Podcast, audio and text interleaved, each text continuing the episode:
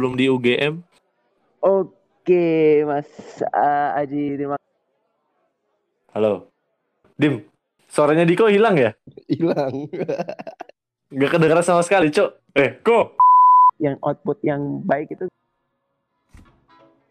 Dengeran, Po, Dim? Enggak. Kok? Halo, halo. Hilang. Jadi kalau teman-teman section lain Anak-anak. Hilang lagi, Cok.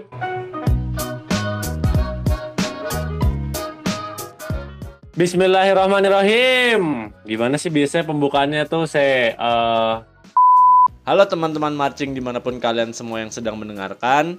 Di sini Aji, kali ini aku sendirian ya. Dan selamat datang di Marching Podcast. Tapi kali ini sebenarnya aku gak bakal sendirian beneran. Akan ada dua orang dua orang yang akan menemaniku, yaitu Diko dan Dimas. Say hi dulu dong. Halo. Eh, halo Mas Haji. Halo, ini bakal aneh nggak ya dengarannya anjir anjir.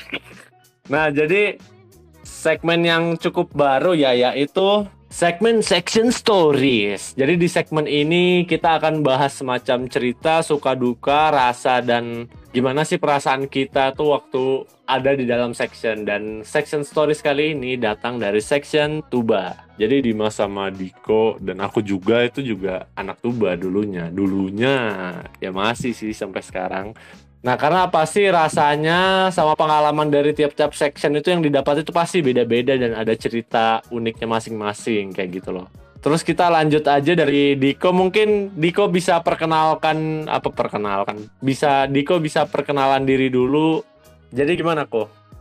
Bisa diceritain nggak perkenalan diri dulu dong? Say hi sama apa pendengar pendengar kita. Halo para pendengar Marching Podcast yang di mana pun berada. Perkenalkan namaku Diko. Aku Oke. mahasiswa UGM, mahasiswa UGM. Nah, sekarang aku lagi aktif menjadi apa ya? Anggota utama marching band UGM rotasi 37. Sectionku kalau di MB UGM adalah tuba. Eh, ya itu aja mungkin Mas Haji. Gak usah banyak-banyak. Oh, kok dengar-dengar orang tuamu itu juga orang marching juga tuh bisa diceritain nggak? Dia dulu marchingnya di mana ayah dan ibumu mungkin kalau dua-duanya marching gitu. Dan mungkin juga bisa diceritain sedikit dulu. Kan kalau di UGM sectionnya tuba. Nah terus kalau misalnya di luar UGM sectionnya apa? Terus emang benerkah pernah ikut marching sebelumnya sebelum di UGM Oke, terima kasih Mas Haji atas pertanyaan diberikan. Eh, jadi eh benar yang dikatakan Mas Haji ini. Jadi dulu yang jadi pemain marching band itu adalah bapak saya. Nah, bapak saya ini dulu marching bandnya tuh di marching band eh Semen Padang. Marching band Semen Padang. Eh, Semen Padang nih. Nah, marching band Semen Padang nih eh, dulu angkatan jadi pemain tuh tahun 1980 berapa sampai 1993 kalau nggak salah. Jadi ada kalau nggak salah ada ya 10 tahun lah di Marsimen Padang itu. Nah, dulu Oh. kalau oh, ya gitu Mas Haji. Terus kalau jadi itu dulu eh, ya saya alhamdulillah memiliki ya, Wih, pernah mantap. kamu jangan ya. jadi itu dulu eh, saya alhamdulillah memiliki pengalaman-pengalaman aduh kok jadi sombong jadi nggak apa-apa sombong aja ini emang tempatnya sombong ya ya ya Jawabnya santai aja ya kayak ngobrol biasa gitu loh, jangan kayak wawancara cuy. Ini kan podcast bukan apa namanya. Jadi santai aja lah pokoknya. Oke oke oke oke. Oke. Nah kalau Dimas ini juga gimana Dim? Coba perkenalan diri dulu deh singkat-singkat aja. Halo. Halo, Assalamualaikum. Waalaikumsalam Pak Haji. Waalaikumsalam Nama aku Dimas, Dimas Rahman Jaya. Sama kayak Mas Diko. Rotasiku 37, aku masih aktif di MBUGM. Sectionku melofon tapi alatnya tuba. Oh Jadi maksudnya gimana tuh dilantiknya itu dulu sebagai apa tuh secara hitam di atas putihnya tuh melopon gitu ya? Iya, secara hitam dan putihnya resminya tuh sebagai melofon, tapi Ah. Mbak membutuhkan. oh iya juga ya, aku lupa ya kamu dulu awalnya melopon. Dim, dengar-dengar kamu kan dulu. pernah cerita kan Dim? Kalau kamu tuh pernah ikut marching atau drum band lah. Entah Pernah. kamu nyebutnya drum band kan ya? Nah Iya, itu dulu kamu megang dulu megang apa Dim? Dan kenapa kayak kesannya tuh kamu tuh kayak nggak mau menceritakan itu gitu loh ke orang-orang gitu lah. Padahal kan itu jatuhnya juga pengalaman cuy. Jadi aku Dulu megang dulu apa emang di sana? Pernah SD, SD, SD dan SMA. Kalau SD mah Oh. SD apa ya? Kayak drum band drum band biasa lah anak SD gitu. Kalau Hmm. SMA itu mau megang ini, megang tom di perkusi. Oh, Gitu. anjir, mantap. Berapa berarti selama SMA gitu tiga tahun itu kamu main tom itu Enggak tiga tahun tiga sih, tahun full. selama dua tahun aja. Oh dua tahun. Heeh, dua tahun doang. Bukan nggak mau Oh. menceritakan sama orang lain ya. Tapi Tapi kenapa? apa ya? Tapi kayak kayak apa ya? Hmm, jadi unitku dulu tuh kayak masih membangun loh, masih masih cari-cari bangun bahan bangunan gitu. Jadi pas aku masuk MBU game tuh udah beda banget tuh loh. Oh, jadi Ah. kamu merasa juga kayaknya ini juga bukan sesuatu yang ya gimana gitu buat diceritakan ke Iya. orang-orang gitu loh. Heeh. Soalnya juga masih istilahnya baru ngerintis juga ya eh Ah, baru drum bandmu dulu. Oke. Heeh, jadi di kotaku tuh juga mau ganti nama tuh loh. Kan udah masuk Aha. apa gitu. Drum band tuh mau ganti nama jadi kayak nggak ganti nama sih kayak ikut sistemnya marching band gitu. Oh. Seperti itu. Nah, terus lanjut lagi nih ke jadi kita kan di sini akan membahas tentang dari paling basic dulu lah. Menurut kalian itu tuba itu section yang kayak gimana sih atau menurut kalian ini ya? Ini jadi nggak ada bener atau salah kayak ujian ya. Jadi opini pribadi aja lah. Tentang apa tuh apa sih pandangan kalian menurut tuba itu section yang gimana sih? Dari Dimas mungkin bisa menceritakan setelah pengalamannya bermain tuba gini. Jadi menurutmu tuh tuba tuh section yang gimana sih? Bebas ya mas. Tuba menurut Bebas. tuba itu pemainnya rata-rata orangnya rata-rata keras kepala semua. Tapi enak kalau misalnya lagi klop banget tuh enak banget. Itu Wah, dari asu segi aku relate cuy. dari segi player ya, dari segi player yang aku rasakan selama satu tahun kita pernah kemarin gitu. Oh iya iya. Ada lagi nggak? Mungkin boleh dibantu Mas Diko? Hmm. Oke, siap siap. Jadi itu menurut pandanganku ya anak-anak tuba ya sama ini. Yang pertama tuh section yang paling keren. Wah, kenapa section yang paling keren? Wah, Karena dia tuh alatnya yang pasti orang selalu memandang gitu. Wah, alatnya besar. Wah, berat gak ya? Eh, terus untuk di foto-foto paling paling diincar deh sama sama audiens audiens biasanya atau sama parade atau lagi apa lagi ada pentas gitu kan pasti anak tuba tuh oh, dilihat gagah segala macam. Terus ya kalau anak-anak tuba tuh eh, pengetahuan aku sama ini walaupun dia mungkin Mas Dimas bilang tadi keras kepala gitu ya tapi keras kepala ini tetap menjaga kerjasamanya gitu tetap paling apa ya paling solid gitu loh. Paling eh, enak diajak dis mung- walaupun ada selek satu dua tapi sama diskusi ini. Iya kan?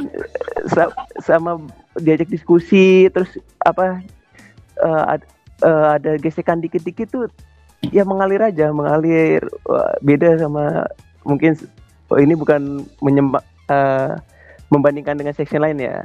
Section tuba ini section yang paling inilah eh paling dipandang lah eh, di di marching band gitu. Kalau menurutku ya menurut pandanganku seperti itu mas. Oke. Oh jadi menurut kalian berdua ini banyak yang cukup menariknya ada apa?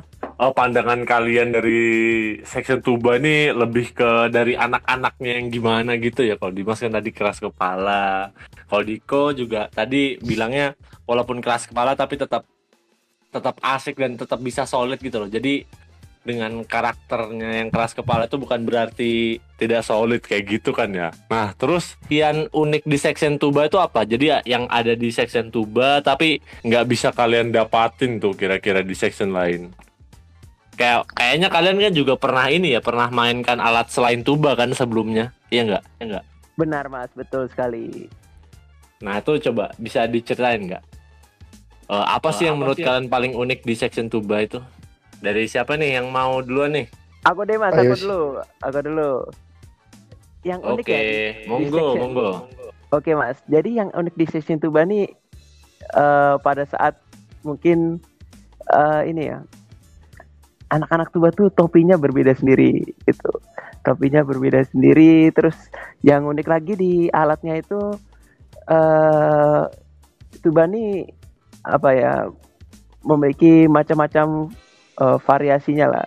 Uku- ukurannya dari ada yang baby tuba hingga apa kontra yang besar gitu kan.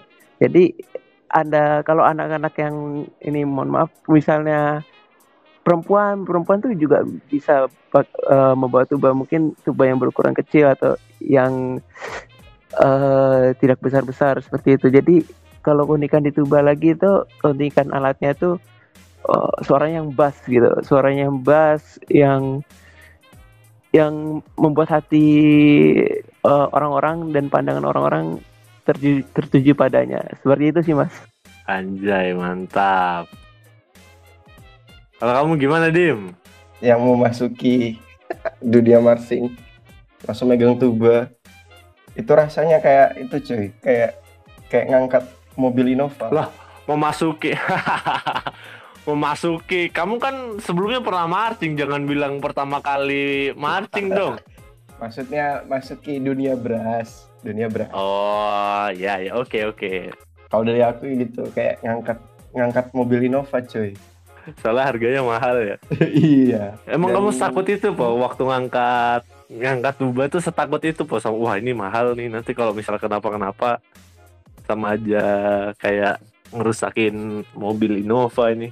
Iya pasti ada rasa takut. Apalagi alatku dulu kan kalau lat- lagi latihan dasar gitu dari dari melofon kan ringan banget cuman kayak gitu. Cuman apa ya nggak pakai dipanggul. Nah, tiba-tiba di tuba ngendel ya beda dengan melofon terus megangnya beda juga. Terus abis dari itu tuh langsung tak tak searching dulu di di Google piro harga tuba Wah, ternyata beneran mahal. jebule Oh, bukan bullshit semata ya jadi yang dibilangin sama senior-senior tuba nih seharga Innova loh.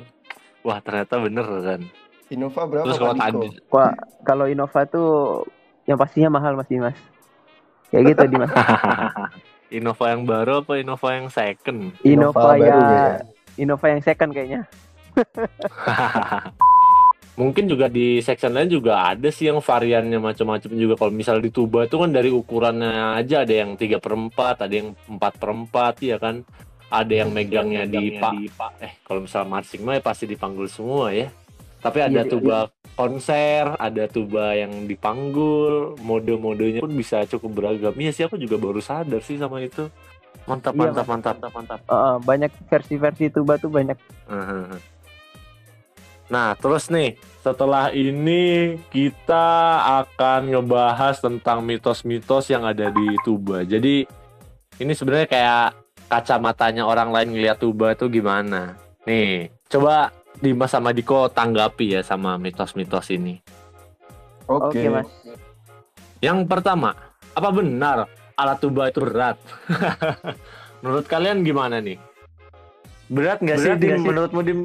Kalau Atau ah awal-awal- sebenarnya rilang-rilang aja gitu. kalau awal-awal kayak berat berat tuh cuma di pikiran Ah. aja katanya Walah, walah.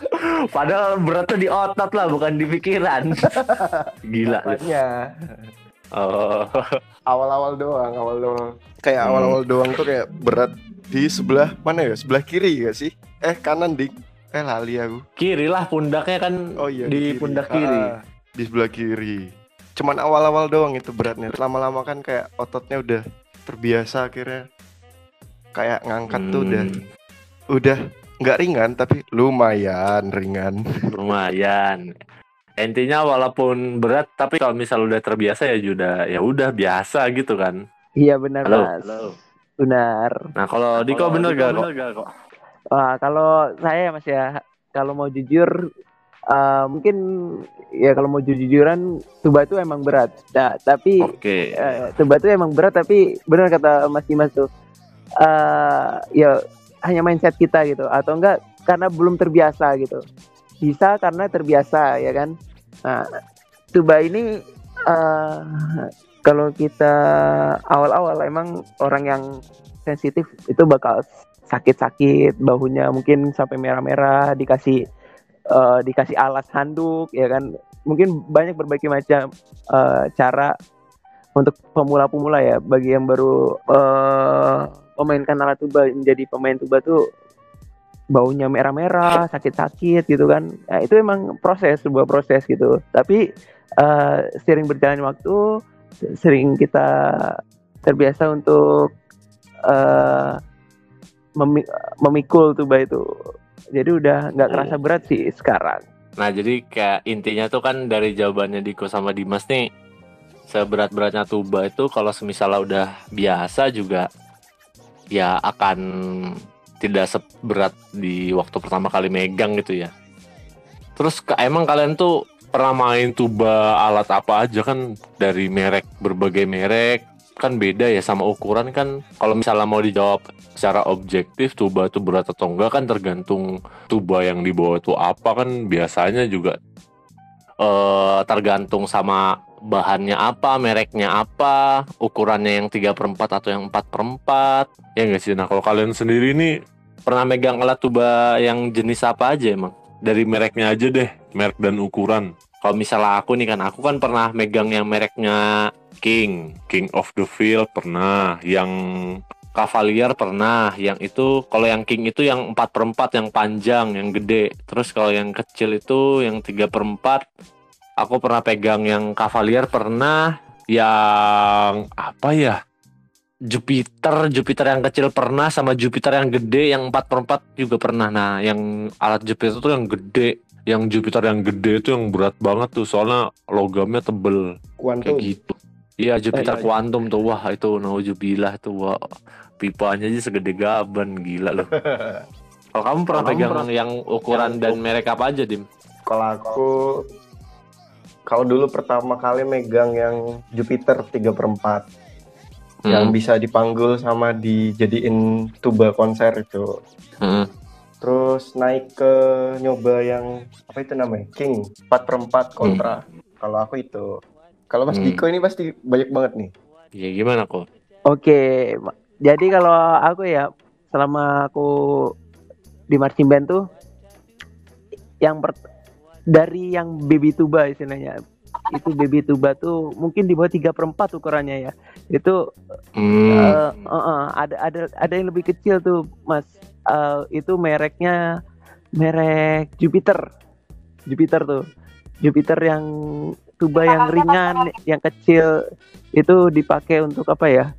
Untuk Porda ya untuk Porda pekan olahraga daerah tuh wah itu ringan ringan banget. Terus apa ya kayak baby lah kayak bayinya tuba gitu. Itu pernah terus eh, Jupiter yang 3 per 4 ya itu itu juga pernah. Habis itu nyobain apa Yamaha Yamaha Yamaha 3 per 4 nah 3 per 4 tuh wah kalau ini bukan membanding-bandingkan merek ya. Kalau Yamaha tuh wah kayak enak aja gitu kalau dimainkan di pagelaran untuk dan lain sebagainya. Kayak keren abis deh kalau Yamaha tuh.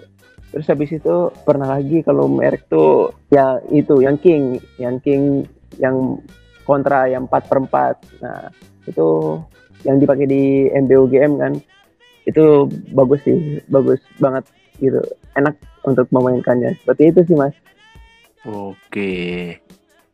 Terus kalau kalau misalnya ditanya tuba itu berat atau enggak ya tergantung dari alatnya tuba itu sendiri kan dia dari ukuran dan mereknya itu bisa berbeda-beda. Tapi kalau secara relatif seperti itu bukan teman-temanku sekalian. Iya benar Mas Dim eh Mas Aji Mas Dipang. Nah, Nah terus ini nih, ini mungkin ada beberapa dari section lain yang suka bertanya-tanya. Apakah main tuba itu gampang? Kan banyak yang bilang, alah tuba tuh mainnya cuman long note doang, nggak ada susah-susahnya. Nah kalau misalnya kalau misalnya dari kalian menjawab nggak gampang, nah terus coba bisa diceritain nggak susahnya itu di mana sih dari main tuba itu? Aku dulu nih ya Mas Siapa ya. dulu nih? Ya Aduh. boleh boleh. Oke, jadi itu sebenarnya yang kadang-kadang membuat sakit hati mungkin pemain tuba kali ya, mungkin atau aku aja kali ya. Eh, main tuba tuh emang sih yang orang tahu tuh long note, long note doang, nggak nggak sekeriting keriting kayak trompet, nggak apa serumit kayak melofon gitu kan. Nah, tapi eh, kalau di tuba ini kita harus mem- memiliki nafas yang besar, nafas yang banyak untuk memainkan nada yang bagus. Jadi kalau teman-teman section lain anak-anak. Lagi lagi cuk. Ayo mungkin bisa dilanjut ke Dimas dulu kali ya. Ayo Dim monggo Dim. Oke. dijawab dulu dong eh, gampang atau enggak menurutmu Dim? Main tuba itu Dim? Menurutku enggak. enggak oh iya. gimana tuh? Kenapa? Kalau kalau dibandingin ke section lain pasti punya kesulitannya masing-masing. Kalau di tuba mungkin sulitnya bener emang cuman long tone long tone doang. Tapi di dalam long tone itu kan juga harus ngejaga tuningnya sesama pemain tuba biar Hmm. sama. Nah itu yang sulitnya di situ. Yo, iya mau bro. Iya siapa Yoi. juga setuju banget tuh. Ada lagi nggak Dim kira-kira Dim yang menurutmu susah di tuba tuh? Apa ya? Hmm, Selain alatnya berat. selain alat berat, hmm, hmm, ini sih pemainnya.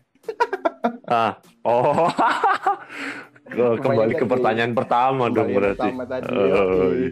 Iya sih, aku ini kalau misalnya melanjutkan apa yang udah dibilang sama Dimas, iya sih banyak kan banyak nih dari teman-teman dari section lain itu kan yang memandang sebelah mata lah istilahnya bahwa tuba tuh mainnya cuman long tone long tone doang apa susahnya gitu loh. Aku juga bisa. Padahal di balik long tone itu ada sesuatu yang digarap juga ya. Contohnya konsistensi konsistensinya terus nadanya apa tuh pitchnya itu bisa lurus atau enggak tuningnya itu tadi. Terus di setelah tuning dari diri sendiri sama enggak nih tuningnya sama satu satu dan lainnya gitu loh. Iya kan? Itu yang susah di tuba tuh. Jadi kalau misalnya tuningnya nggak jadi konsistensinya nggak jadi ya tuba tuh jadi nggak ada nilainya gitu. Bener. ya itu sih. Jadi kalau misalnya mau dijelasin setiap section itu pasti ada sulit dan mudahnya. Ya tuba juga punya kesulitannya sendiri di samping alat dan beratnya alat tuh juga jadi challenge sendiri gitu loh. Artinya endurance kita bakal lebih cepat habis kan daripada teman-teman section yang lain yang alatnya lebih kecil. Baru setelah itu harus ngejaga tuning segala macam dan perlu nafas yang besar. Jadi bener sih itu juga ya nggak semudah itu juga untuk menciptakan nada yang bagus di tuba itu. Walaupun cuman long note kayak gitu ya. Mm-mm, Bener. nah berhubungan dengan pertanyaan yang sebelumnya tuh perannya tuba di marching band secara musikal tuh gimana sih kalau menurut kalian apa yang bikin section tuba beda dari yang lain tapi secara tadi kan secara umum tuh tapi ini lebih khusus lagi ke musiknya gitu loh dan ada kaitannya juga sama perannya di musikalnya itu gimana sih Cepat dulu nih. monggo siapa Siapa dulu? Siapa dulu? Eh, Dimas dulu deh abis itu Wes. Diko Kalau pendapatku tentang perannya tuba, perannya tuba tuh pelengkap dari lagu yang megah. Nah, tubanya itu yang yang harus nonjol jadi suaranya jadi ngasih kayak- efek gitu ya? Nah, ngasih efek. Nah, itu dia namanya efek. Nah, seperti itu. Eh, jadi di bagian-bagian megah itu kalau misalnya tubanya melempem ya nggak jadi megah ya. Jadi Iya, menye-menye ya jadinya. Yo, kamu gimana kok assalamualaikum. Kok assalamualaikum. Kok kok dipencet kok? pencet pencet pencet. Assalamualaikum cok gimana ini cok Hilang. Ayo kok gimana Ayo, Kok, kok gimana? menurutmu masalah peran tadi perannya tuba itu di musikal secara umum gimana kok menurutmu kok? Oke, ini pertanyaannya sedap-sedap gimana ya? Berat-berat. Enggak ini enggak berat, ringan aja kok pertanyaannya. pertanyaannya. Jawab santuy aja. Nah, ini kalau menurutku ya, kalau peran yang tuba di musikal itu sangat penting banget sih, Mas. Kalau nggak ada tuba ya nggak asik gitu. Nggak ada suara bass-bassnya, nggak ada suara. Iya nggak asik aja kalau nggak ada tuba tuh nggak. Kalau suaranya nada, nada tinggi-tinggi, uh, melodi-melodi, tapi nggak ada bassnya tuh nggak enak didengar sama audiens gitu. Kayak ada yang kurang gitu. Kayak kalau diberi kayak Hmm. mie kurang bumbunya itu kurang kurang kurang enak dimakan gitu kayak gitu sih mas Iya iya. Ini berarti ada kaitannya sama range harmoni ya. Jadi untuk mengimbangi trompet yang nadanya tinggi-tinggi itu tentu saja perlu tuba yang nadanya rendah-rendah supaya bisa mengimbanginya kayak gitu kan. Ini kalau menurutku Ini sih kalau menurut- ada nyambungnya sama pertanyaan yang pertama tadi di long note tadi tuh loh. Ya tubanya apa? Tubanya kan. Perannya tuba tuh ya sebagai di section lain teman-teman beras dari section lain memainkan melodi-melodi itu akan jadi lebih mantap gitu loh kalau semisalnya dijadikan satu. Jadi perannya tuba kalau menurutku ya sebagai pondasinya itu tadi. Dan bener kayak salah satu contoh kasus yang udah disebutin di Mas loh, contohnya di Megah gitu. Di Megah itu kan biasanya tuba tuh ngehantam duluan terus jadi pondasi kan dia buat long note yang panjang gitu. Nah kalau misalnya tubanya melempem bakal jadi garing suaranya kalau misalnya nggak ada long note yang menjadikan pondasi kayak gitu. Ya nggak sih kalian setuju nggak nih? setuju banget mas Setuju, setuju. Nah terus kalau berkaitan sama perannya tuba tadi di momen musik seperti apa sih tuba ini bisa unjuk gigi gitu loh? Maksudnya ya bisa untuk membuktikan nih kepada teman-teman yang nggak percaya lah tuba tuh long long note doang nggak pernah punya momen di musik. aku dulu ya mas ya Boleh, Ya, monggo. kalau menurutku momen-momen yang tuba tuh kelihatan wahnya itu biar kalau kayak trompet, trompet kan dikasih waktu untuk ada solois atau melopon juga. Nah kalau di tuba ini momen-momen yang pas itu ketika eh, mengiringi apa ya, mengiringi solois tersebut atau enggak nah, di momen-momen yang musiknya itu emang jor-joran gitu, like, apalagi impact-impactnya gitu pada saat apa namanya lagi klimaksnya itu wah tuba tuba perannya di situ tuh untuk memberi apa memberi efek wah impact, impact. Nah, iya efek impactnya di situ sih mas Kalau Dimas gimana? Dimas? Gimana Dit? Hmm, sekalian promosi nggak apa-apa ya mas? Oh nggak apa-apa, monggo. Oh, iya. monggo Jadi buat monggo monggo teman-teman yang belum lihat videonya MBUGM HB Cup 2019, nah itu ada solinya tuba. Ya nggak sih ada kan? Ada. Nah ada, nah itu contohnya. Iya, iya, iya, iya. Jadi selain di Solo, tuba jarang Solo sih, jarang banget yang tuba Solo ya. Aku pun jarang menemukan sih selain di DCI. iya sih mas benar itu benar banget Kalau menurut Dimas sama Diko tadi salah satu momen-momennya tuba ini bisa pamer-pamer unjuk gigi tuh di ini ya di Solo ataupun di Solinya yang satu section main bareng-bareng gitu ya. Sama bener Sama ya, bener aku ya. juga melanjutin lagi tadi yang udah dibilang sama Diko kalau kalau momen-momennya tuba itu ada di saat impact-impact gitu loh. Jadi kalau misalnya Kalau tuba berhasil satu section tuba itu bisa kompak dan solid suaranya, ngebuat ngebentuk satu impact wah itu bakal serem banget sih kalau menurutku biar wah keren banget kan pokoknya. Jadi nggak Iya, perlu suara apa, nggak perlu pola-pola yang keriting-keriting kayak trompet walaupun dengan long note tapi itu impactnya bisa gede banget dan eh, berdampak besar di musik secara keseluruhan itu juga wah menurutku bisa keren sih. Cuman sayangnya jarang orang yang notice bahwa wah ini perannya momennya tuba nih saat ini cuman jarang banget. Orang-orang kan ketika ada impact yang di notice pertama kali kan malah melodi utamanya. Padahal di balik itu tuh ada yang ngedukungnya tuh si anak tuba itu tadi. Kayak gitu sih kalau menurutku. Nah, Iya, terus bener, dari cerita-cerita tadi nih apakah benar memang anak tuba itu semuanya nafasnya kuat-kuat? Bener nggak kok?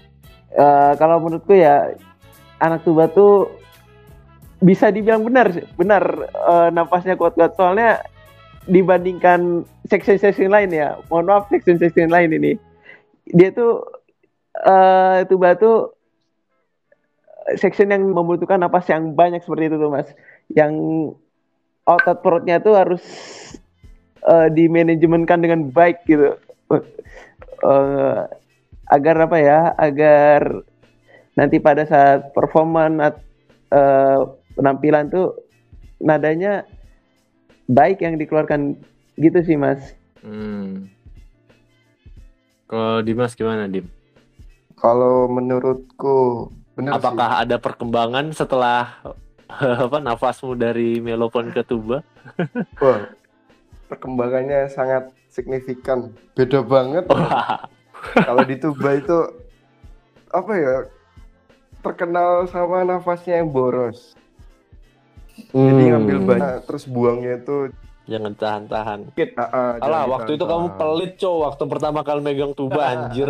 Nggak mau ngeluarin nafas kan kamu kan? Oh, Iya, asu emang.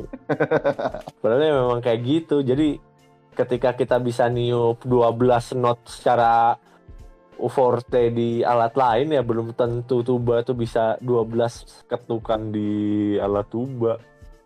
Kayak iya, emang harus bener. boros kalau Ah, ah. enggak suaranya jadi pelan banget soalnya. Heeh. ya emang sih secara iya itu dengan logika simpel aja ya dengan mouthpiece dan alat sebesar itu ya tentu saja butuh nafas yang boros dan tapi bukan berarti menjamin ini sih bukan menjamin semua anak tuba itu nafasnya kuat kalau menurutku ya ada juga orang-orang yang jarang latihan terus nafasnya juga tidak kuat ya dengan artian dalam artian dia belum menguasai tuba itu karena jarang latihan dan nafasnya belum cukup kuat buat niup tuba dengan baik dan benar. Yoi. Nah, kalau tadi itu kan yang kita udah omongin itu seputar uh, erat kaitannya sama dunia permusikan. Nah, kalau di displaynya gimana nih anak-anak tuba? Apakah benar kalau misalnya ini dari yang basic dulu ya dari display ya? Apakah benar posisi siap itu? Wah, ini agak lucu nih. Apakah benar posisi siap itu lebih susah daripada posisi up? Kamu kalau misalnya disuruh pilih nih, pilih posisi siap 5 menit atau posisi up 5 menit? Ditahan loh itu tidak Posisi- boleh turun-turun. Posisi up Hmm. 5 menit dong. kalau Diko pilih mana kok? kalau aku pilih posisi up lah mas udah Oh. Sama Kalau itu- sama. Jadi mungkin ini udah nggak usah dipanjang-panjangin lagi ya. Ya lihat sendiri ini sering terjadi di unit mana pun ya saya kira. Kalau misalnya anak tuba nahan posisi siap itu udah wah tidak dipegang lagi. Tapi di perut ditempelin iya kan. Iya bener banget. wah itu emang rahasia dapur seperti itu tuh kayak gitu itu udah bukan jadi rahasia dapur lagi tuh rahasia, Lagi tuh umum. rahasia umum. oh iya rahasia umum maaf Terpampang jelas sudah. Nah terus dari posisi siapnya tuh atau posisi up. eh, kalau displaynya gimana tuh? Apakah benar displaynya itu gampang anak-anak tuba daripada anak-anak yang lainnya? Uh, kalau misalnya yang lain, wah larinya jauh, wah langkahnya gede, wah langkahnya cepat. Tapi apakah benar tuba itu displaynya gampang? Monggo Diko. tentu tidak Ferguso belum nggak nggak seba- segampang yang kalian kan mungkin de- eh, section-section lain melihat tuba wah gampang gampang tapi eh, ada momen di mana kita sama seperti kalian yang lain harus berlari jauh apa ah, maksudnya dari pin satu ke pin yang lainnya tuh jaraknya jauh itu kita juga merasakan jadi eh kita sama dengan section lain gitu nggak ada nggak ada bedanya menurut menurut saya ya mas ya seperti itu sih Kalau kamu gimana Dim? Yang suka miso-miso di lapangan display Dim? Siapa itu? Kamu cuk. Hmm, menurutku susah. Sama lah susahnya. Sus- Iya gimana gimana? Apalagi Nggak ada kan bedanya. kalau kalau display juga jaga postur tubanya moncongnya harus ke depan ya. Kadang-kadang kan mereng tanpa sadar. Oh. Iya, iya. tanpa sadar moncongnya kita udah lurus, tahu-tahu dia dari depan mencong. Nah, itu yang susahnya. Hmm. dari alatnya berarti ya. Heeh. Kalau aku gini sih, kalau misalnya display tuba tuh gampang tuh, tapi menurutku ada benernya. Cuman gimana ya? eh, nggak semuanya gampang. Karena dari alatnya sendiri di bawah display alat segede gitu di bawah display itu udah challenge tersendiri gitu loh yang tidak sama dengan teman-teman beras yang lain. Ini kita kontesnya kita persempit aja ya nggak ke seluruh tim ya tapi ke berasnya aja gitu loh. Kalau di apa mungkin ini akan terkesan membanding-bandingkan? Kalau misalnya apa tuh dari alatnya aja kita lihat alatnya ya itu udah challenge tersendiri gitu dengan alat sebesar itu di bawah display ke sana kemari. Dan memang pada kenyataannya ada beberapa di bagian-bagian part walaupun nggak semuanya tuh emang dipermudah buat anak tuba. Karena entah alasan ininya alatnya atau dengan langkahnya yang tidak mungkin dengan alat sebesar itu iya kan? Dia tentu aja Yoi. biasanya ada beberapa kemudahan cuman nggak semuanya di di- displaynya. Apalagi di visualnya ya nggak sih? Kalian sempet Iya. nggak sih? Biasa tuba itu kan visualnya lain sendiri kan ya bukan lain sih tapi bukan juga di lebih gampang cuman disesuaikan. Bukan digampangin loh ya kalau digampangin itu kan kesannya merendahkan banget ya cuman disesuaikan ya masa ketika anak trompet disuruh bawa apa tuh kayak tangannya telentang gitu bawa alat satu tangan masa tuba harus ngikut gitu juga? Kan nggak mungkin. Iya nggak sih? Kalau menurutmu dim Betul, selama ngelakuin visual selama ngelakuin visual gini apakah susah atau gampang visual visualnya tuba itu? Apakah benar gitu loh misalnya wah tubanya digampangin visualnya jadi enak jadi enak. Apakah beneran jadi enak gitu visualnya? Gimana dim? Hmm, kalau menurutku apa ya? Ya nggak enak banget tapi ya lumayan. Kalau dibandingin sama section lain ya. Tapi ya tetap itu. Kita menjaga alatnya. Kan biasanya kalau visual tuh nunggu kecepatan alatnya buat up lagi. Nah, tuba kan punya waktu yang sedikit Oh, lama, iya, iya. ya kan? Sedikit lama. Jadi butuh waktu mungkin- lebih lah buat apa aja tuh Ah, butuh ah. waktu lebih kan Nah, itu. iya iya, iya. Heeh. sama belum lagi tuba tuh susahnya kalau di tengah display tuh yang ngejaga posturnya itu tadi kan udah alatnya Iya. berat dan kita tuh harus punya standar postur yang sama gitu kan Dim sama anak-anak section lain itu Nah, heeh. Kadang udah gemeter tuh tangan.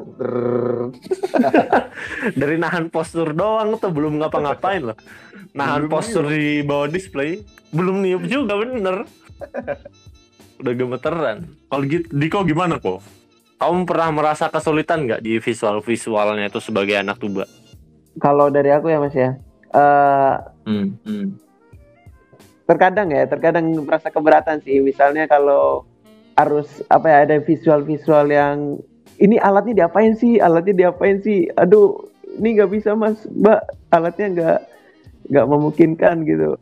Tapi dari pelatih-pelatih mentolerir sih, maksudnya awalnya pelatih kepinginnya seperti ini vis- visualnya, terus mau ya diganti gitu, jadi yang lebih menyesuaikan lah, menyesuaikan dengan apa dengan alat kita lah. Misalnya visual yang harus merentangkan tangan, wah tuba kan nggak bisa merentangkan tangan kan, wah itu nah iya kan bener kan, bener kan. kalau Heeh. kayak gitu sih mas. oh, apa namanya? Ya toleransi terhadap section tuba itu pasti ada ya. Walaupun nggak terus terusan kan. Dipermudah terus kalau misalnya semuanya dipermudah gimana kita mencapai nilai yang bagus kan? Ya ah, benar sih, benar benar. beralih dari display nih yang nggak jauh-jauh ya. Kita ngomongin parade sekarang. Gimana rasanya parade jadi anak tuba kalian pernah nggak sih ngerasain pegel yang tidak tertahankan ketika jalan jauh? Terus kan biasanya ada istirahatnya yang kita disuruh megang satu apa tuh alatnya dipegang pakai satu tangan kan pernah nggak pegel-pegel di masa kayak gitu gitu ya parade lah setiap parade itu kan kita megangnya satu tangan kan kadang-kadang Iya benar mas. bukan kadang-kadang sih sering wu tuh pegel banget cuy anjir anjir anjir. rasanya pengen tak tak angkat lagi gitu loh dengan tidak memperhatikan showmanship kan enak tuh. Iya. Kalau kamu gimana kok? Oke, ini apa ya Mas ya? Kalau pas eh, parade itu, Pak parade itu emang pikiran, tenaga itu terkuras banget sih Mas. Kalau pas parade ini kalau dijujuran aja ya. Apalagi kalau ditambah cuacanya panas. Wah, udah emosi juga udah memuncak gitu loh Mas. Jadi alat kita udah berat, kita bawa apa alat ini berkilo-kilometer istilahnya ya pas parade itu itu eh, emosi itu udah memuncak banget misalnya kalau istirahat aja ya pas lagi kita nggak main musik ya. Itu kan tuba tuh di kita eh, bawa istilahnya kita bawa tapi dengan apa dengan satu tangan gitu harus memper- memperhatikan showmanship segala macam. Nah, itu kadang-kadang kita kesepakatan sih kesepakatan anak-anak tuba sih mau mau di mau di apa peluk kah tubanya? Atau mau diapain supaya eh, misalnya ketika istirahat tuh kita bawa tubanya tuh eh, selalu enak gitu. Itu sih mas kalau pada saat parade itu emang eh, emosi emosi juga meningkat kalau pada saat bermain tuba tuh. Kadang-kadang pas pada saat main nih misalnya udah udah capek banget tuh mainnya tiba-tiba udah asal-asalan aja gitu. Gitu sih. Iya iya Ya, iya. udah asal-asalan aja udah alatnya berat banget. Kalau mau bisa dibuang ya dibuang aja tuh alat tuh. Tapi tentu saja tidak mungkin. Jadi kalau anak tuba itu rasanya begitu drum break kan kalau misalnya istilahnya tuh, begitu drum break atau istirahat itu rasanya anak tuba tuh nggak pernah istirahat ya karena alatnya aja udah gede anjir nggak capek nggak capek. berhenti berhenti capeknya. Bener mas bener banget. Kalau kamu gimana dim? Struggle anak tuba waktu parade itu gimana aja dim? Struggle-nya eh, selain yang dibilangin sama Diko tadi dari itu sih apa dari penonton, eh kadang tuh ada penonton-penonton yang jail-jail pas lagi drum break pengen gimana kamu pernah dijailin gimana aja emang sama penonton penonton pernah di itu pernah dipegang alatnya. oh Apalagi padahal kan bi- biasanya tuba tuh di pinggir kan, di pinggir terus mepet sama Iya, iya. penonton. Heeh. Ah, ya itu aku juga pernah Ya tuh kan iya, gitu. alatnya tuba tuh eh, apa tuh hornsnya itu kan gede ya, lebar gitu kan. Jadi suka ditepak-tepak tuh sama penonton-penonton. Iya kesel banget. Iya, Mana kita tuh sebenarnya nggak boleh nggak boleh megang alat sembarangan kan. Nah ini penonton-penonton malah megang-megang sembarangan. Anjir anjir emosi juga.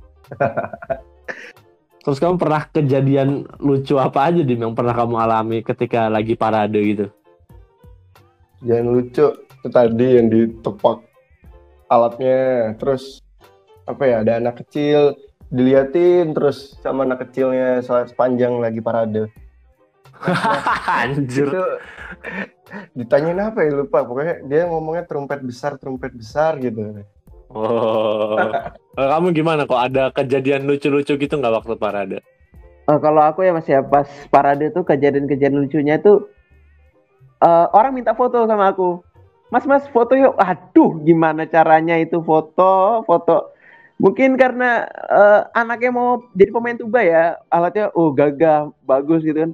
Mas mas foto dulu yuk. Aduh maaf bu. Dalam hati itu dan batinku aduh bu gimana ini? Kalau asu asu gitu sih kejadian-kejadian. Selama melakukan parade itu ketika ada orang yang apa kepingin foto gitu pada saat parade itu. Waduh itu mau nolak gimana ya gitu sih mas Oke. Padahal kamu seneng kan kok dia ada yang minta foto kok. Seneng nggak kamu? Seneng nggak kamu? wah pastinya senang Nah, kan ya udah berarti nggak usah ditolak. ya tapi Jangan bingung. iya tapi kan eh, eh, bisa menghambat eh, rakyat apa pemain-pemain di belakangnya waduh nih anak fokus ntar pemain belakang misu-misu nanti kitanya foto. Iya gitu sih merusak ntar merusak barisan gitu sih mas. Itu aja. Pengalaman-pengalaman menarik ya pada saat parade itu sih mas. Jadi iya ya, jadi anak tuba tuh ya banyak hal-hal bener sih, bener yang dikatain Diko sama Dimas tadi ya kalau misalnya alatnya dengan ukuran tuba yang gede kayak gitu tentu saja ada ya semacam menarik perhatian tersendiri lah dari mata-mata masyarakat yang awam sama dunia marching gitu kan. Wah alatnya gede, wah trompet ternyata ada yang sebesar itu pasti tertarik karena dari ketertarikan dan keingintahuannya itu muncullah perilaku-perilaku yang wah kurang berkenan lah di sisi player atau di sisi marching bandnya tuh sendiri kayak gitu. Nah terus, iya betul mas kita akan membridging ke akhir nih gimana cerita. Jadi ya mungkin begitu cerita-cerita ini bukan menjawab mitos sih tapi lebih ke curhatan hati anak tuba ya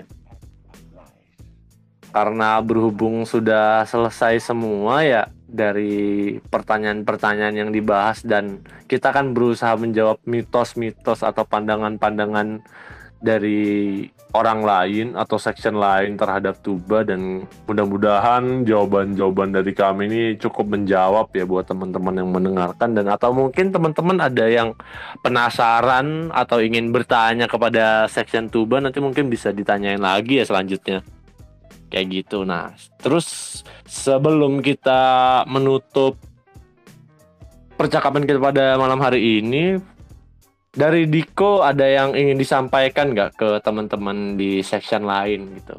Kan ini kan segmennya khusus ya section stories gitu loh.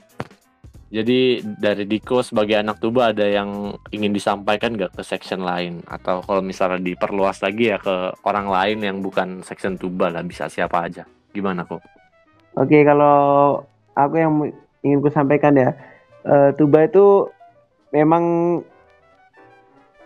adalah apa ya alat berat, alat yang mungkin uh, besar di, daripada dibandingkan section-section lain loh, section-section bersih yang lain. Tapi percaya teman-teman bahwa tuba tuh uh,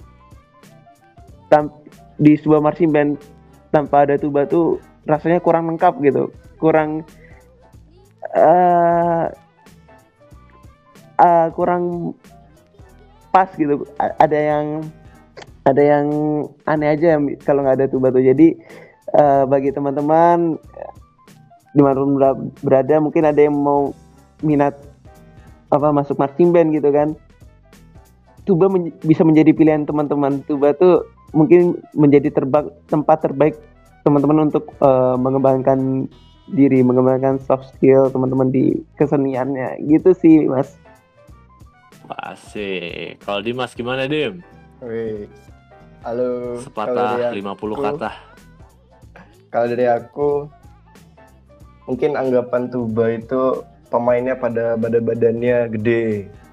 Terus rata-rata Iya bener bener bener bener. Rata-rata cowok kan itu sebenarnya nggak semuanya salah juga tapi ya benar juga.